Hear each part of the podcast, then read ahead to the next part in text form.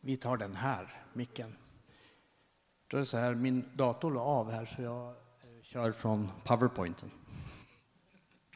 Hitta ditt gudagivna syfte.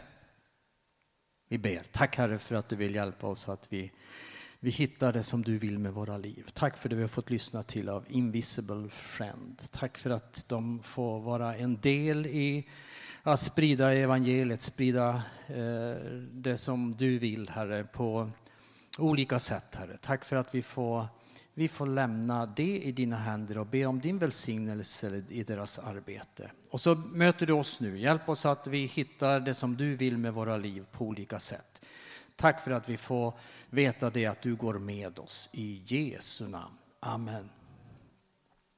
Hitta ditt gudagivna syfte, Apostlagärningarna 19. Eh, det är ju så att eh, eh det är det kapitel i Apostlagärningarna som beskriver en fantastisk väckelse. Man tror det att det är, det är liksom den centrala delen i Apostlagärningarna. Man tror att kanske hundratusen blev frälsta i området under en treårsperiod i Efesus. Eh, det bara exploderade. Paulus han var i Efesus, och vi tar vi nästa bild här. Eh, han hade en dröm och det hade fört honom dit. Och vi kan läsa från Apostlagärningarna 26, 19-20. Därför, kung Agrippa, har jag inte varit olydig mot den himmelska synen. Jag har predikat först i Damaskus och sedan i Jerusalem och hela Judeen och även ute bland hedningarna att de ska ångra sig och omvända sig till Gud och göra som hör till omvändelsen. Där står han inför kung Agrippa och när han säger de här orden så eh, han, han beskriver, han säger vad som var hans dröm, vad som drev honom framåt. Han hade haft en upplevelse av att Gud kallade honom, att Jesus kom in i hans liv och talade om att det, det är jag, den som du förföljer. Det är jag som visar mig för dig. Och så fick han den här kallelsen, upplevelsen att Gud sa du ska bli en apostel, du ska gå till hedningarna. Det var hans, den himmelska synen. Och jag vet inte vad du har för dröm. Hur ser din dröm ut? Vad är det du drömmer om? Vad tänker du? Vad har du?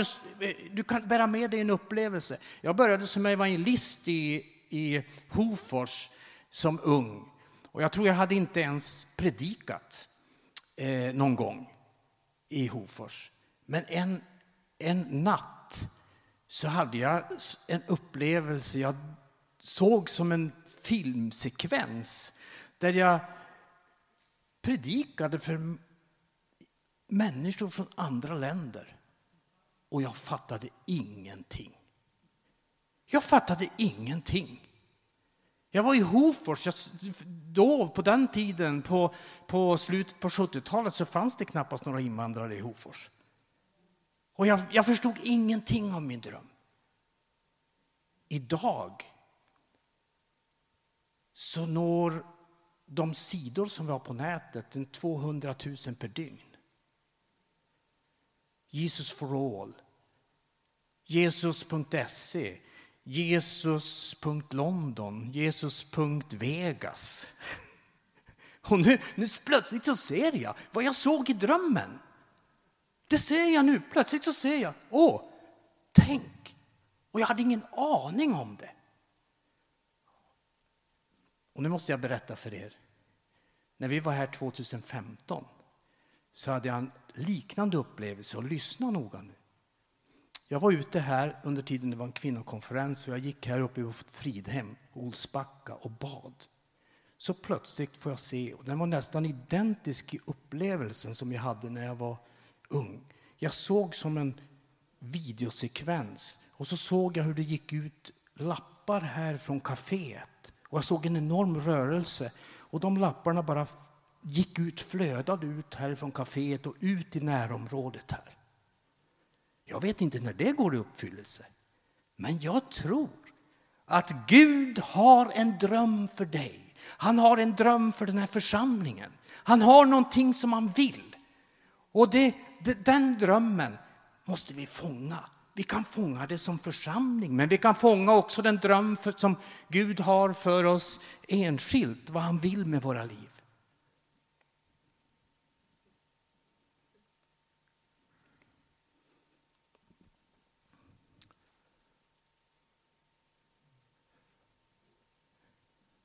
Vi tar... Ja, vad ska du göra då? Just do it. Sätt igång. Sätt igång. Medan Apollos var i Korint kom Paulus ner till Efesus efter att ha rest genom inlandet. Där träffade han några lärjungar och han frågade dem.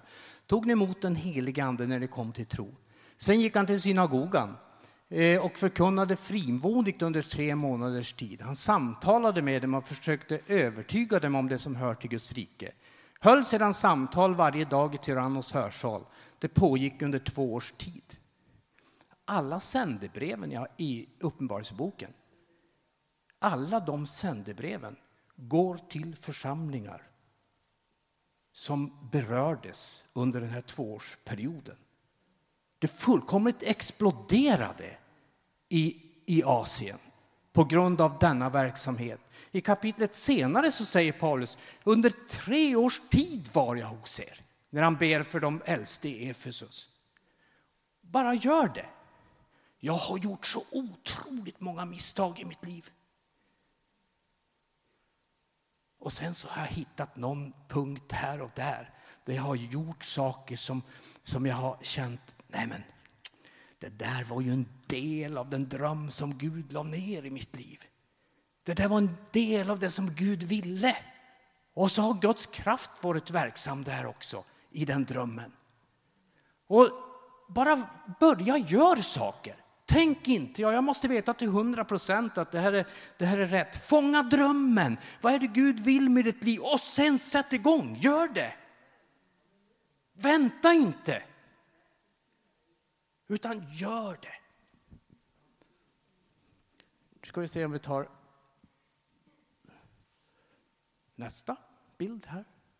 Använd det du har i dina händer. Gud gjorde ovanliga under genom Paulus händer. Man tog till och med dukar och plagg som rört vid hans hud och la på de sjuka. Och sjukdomarna lämnade dem och de onda andarna får ut. Vi ska be för någon, vi ska inte be nu, vi ska be för bönedukar sen.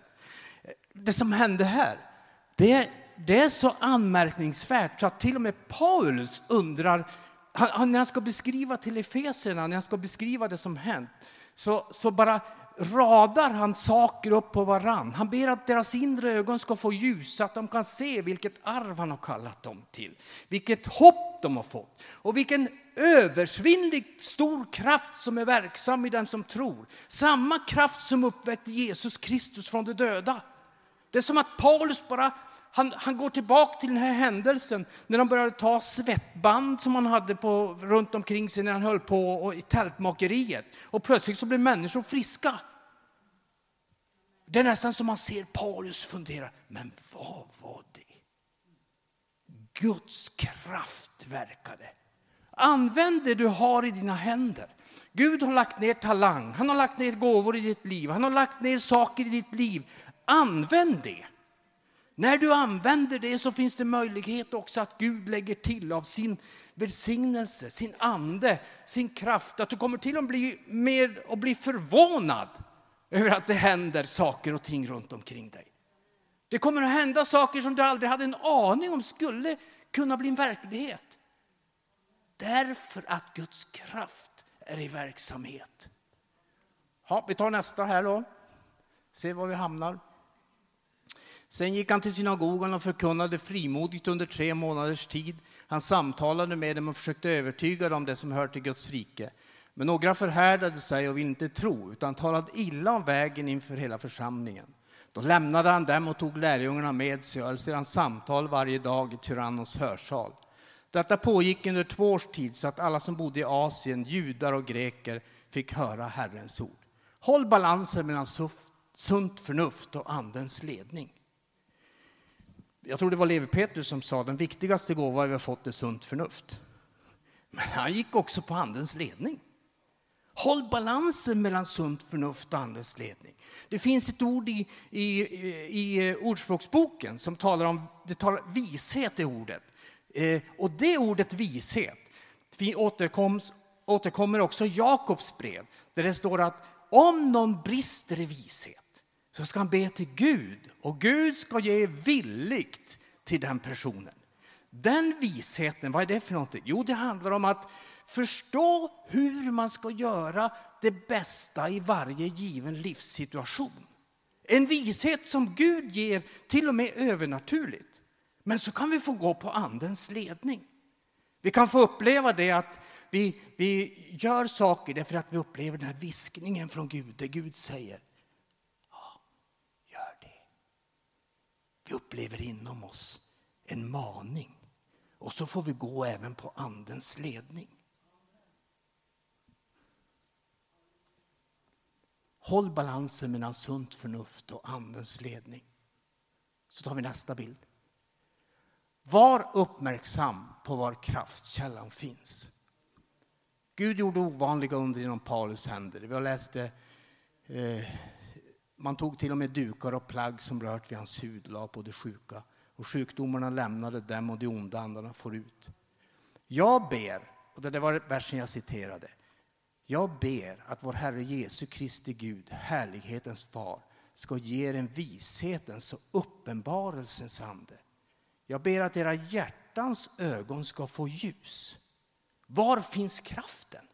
Kraften finns ju inte här i huvudet eller någon, någonstans inom oss. Kraften finns hos Gud. Det är när vi kopplar ihop med hans kraft som det händer någonting.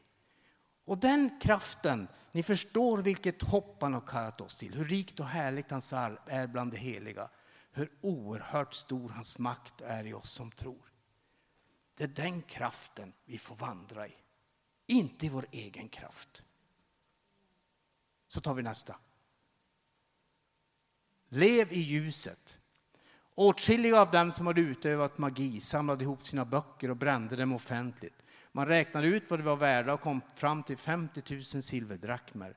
Så fick ordet framgång genom Herrens kraft och visade sin styrka. Det står så här i Fesebrevet när han skriver till Feserna. Tidigare var ni mörker, men nu är ni ljus i Herren. Lev då såsom ljusets barn. Det finns en enorm styrka i vår vandring tillsammans med Gud, där vi strävar efter renhet och helgelse i versen här så är det nästan som att det sitter ihop. Så fick ordet framgång genom Herrens kraft och visade sin styrka. När de avsade sig det som var felaktigt, avsade sig det som var inte tillhörde Guds rike och vandrade som ljusets barn. Där fanns Herrens kraft och där visade han sin styrka. Och så tar vi nästa. Bed, bed och bed igen. Bed, bed, bed och bed igen.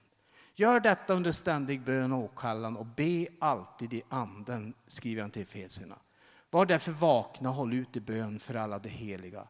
Be också för mig att ordet ges mig när jag öppnar min mun så att jag frimodigt förkunnar evangeliets hemlighet för vilket jag är en ambassadör i bojor Be att jag talar så öppet och fritt som jag bör.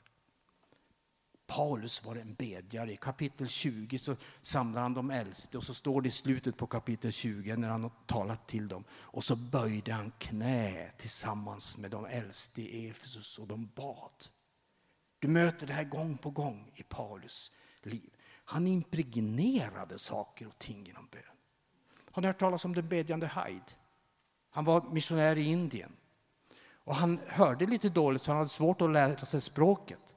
Eh, och han hade jätteproblem med det. Men han var en bedjare och bad nätter igenom. Och något år där i början så var inte en enda person blev kristen i verksamheten. Så bestämde han sig. Jag ska be, början på 1900-talet, jag ska be att en person om dagen blir kristen. Det året inträffade exakt det en person om dagen kom till tro. Då tänkte han, jag ökar på. Så han ökade på andra året och då bad han två personer om dagen ska bli kristen. Och eh, 800 personer blev kristna det andra året han bad. Så utbröt det väckelser här och var både i Indien och Pakistan genom vad den bedjande Hyde gjorde. Och jag, ibland så tänker jag att det, det är precis som att Gud samlar på något vis våra böner. Och sen när det har kommit en tillräcklig mängd, så det är som att ballongen spricker och så pju, kommer det som en fontän av välsignelser över oss. Ni, ni känner till väckelsen i Wales. Evan Roberts, han bad i elva år om väckelse i Wales. Elva år bad han. Och när han hade bett dessa elva år så berättas det att han, han började få möten med Gud. Gud talade till honom. Och så upplever han hur Gud säger hundratusen ska bli frälsta i Wales. Sen bara sprack ballongen. Sen bara hände det det började, väckelsen började i Wales. Hundratusen blev frälsta på en kort tid i Wales. Och det var också begynnelsen till, till den väckelse som kom i början på 1900-talet och som kom överallt i världen. Det berättas till och med att hästarna nere i kolgruvorna fattade ingenting för alla slutade svära. Så de visste inte hur de skulle bete sig. Människor blev frälsta.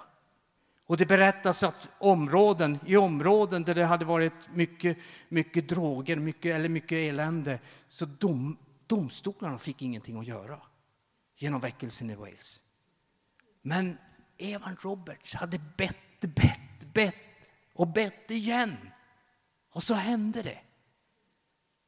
Och det är det här, det är så här vi fångar det som Gud vill göra, det syfte han har med oss. Han vill ge oss en dröm och vi får bada den drömmen i bön. När vi börjar bada den här drömmen, använder det Gud har gett i våra händer, det som vi kanske gillar att göra, så händer det någonting. Det börjar ske runt omkring oss, där vi är, i de situationer som vi befinner oss i. Gud verkar. Alla kanske, eller många, känner till Dream Center i Los Angeles. Den, den verksamhet idag, Matthew Bennett driver den 50 000, lyssna nu, 50 000 i månaden blir hjälpta genom den verksamheten. 50 000 i månaden. 1994 så hade Tommy Barnett sagt till Matthew Barnett, du ska bli pastor i Los Angeles. Och han sa okej, okay, lite tveksamt. Han kom dit till en församling på ungefär 40 medlemmar. Han började predika. Det blev färre och färre medlemmar ju längre han höll på med sina predikningar. De bara försvann. Och så kom han en söndag. Det var ingen där. Han predikade, predikade för en tom kyrksal. Det fanns inte en människa som lyssnade till honom. Han gick hem och han, han bad. Han bad. Vad, vad, vad, ska jag göra? Och han bad nästan hela natten och på morgonsidan så, säger, så hör han Gud säga gå ner till Echo Park. Och han gick ner till en park i stan. Och där fick han se något som han aldrig hade sett förut. Det var droger, det var missbruk, det var människor som låg ute. Det var en misär som var fruktansvärd. Och så upplevde han, Gud sa till honom, du ska hjälpa dem. Så började Dream Center. Men det började i hans upplevelse. I hans upplevelse av kallelse, syfte och det han hade badat detta i bön. Fånga, fånga din dröm. Vad är det Gud... Du, du kanske har den långt tillbaka i tiden. Du har något som Gud har gett dig. Gud har tänkt för ditt liv. Fånga det. Ta fasta på det och använd det du har. Och bada det här i bön. Amen. Tack Herre för att du vill låta oss få uppleva hur du har någonting att ge oss. Du vill möta oss, du vill välsigna oss. Du vill låta oss få uppleva din kraft och din, din hjälp på ett speciellt sätt. Hjälp oss att fånga det syfte du har för våra liv. I Jesu namn. Amen. Medan de kommer upp här i teamet så vill jag pålysa också att ni såg det lite på den här. På lördag som kommer, den 21, så startar vi Böneberget i Gävle. Vi startade klockan 10 till 11 nere på Buregården första gången. Jag har varit runt i Gävle och letat höga lokaler. Sjömanskyrkan var upptaget längst upp. Jag har skickat mejl till palatset, jag har varit uppe på, jag har varit på, till hotellet som är där vid ån. Uh, inget napp än på någon hög lokal. Jag vill ha en lokal där man ser ut över Gävle och kan be eh, uh, för stan. Så vi får se vad vi hittar för något. Men första gången, det kommer att bli sex, sju tillfällen i höst. Första gången är det på Buregården på lördag klockan 10 till 11. Och det är lämpligt precis innan man går och shoppar. Men för er som inte vill shoppa, ta med en ryggsäck och en termos och så kommer ni hit. För vi brygger kaffe och så startar bullgerillan. Samma lördag som det är bön så startar gamla hederliga bullgerillan. Och ni som vill baka, baka bullar till bullgerillan. Vi ska ut i Bolognerskogen, vi ska möta människor som kommer att vandra där på, på lördagarna i Bolognerskogen och ge dem kaffe, bullar och kärlek. Love the city är nyckelordet.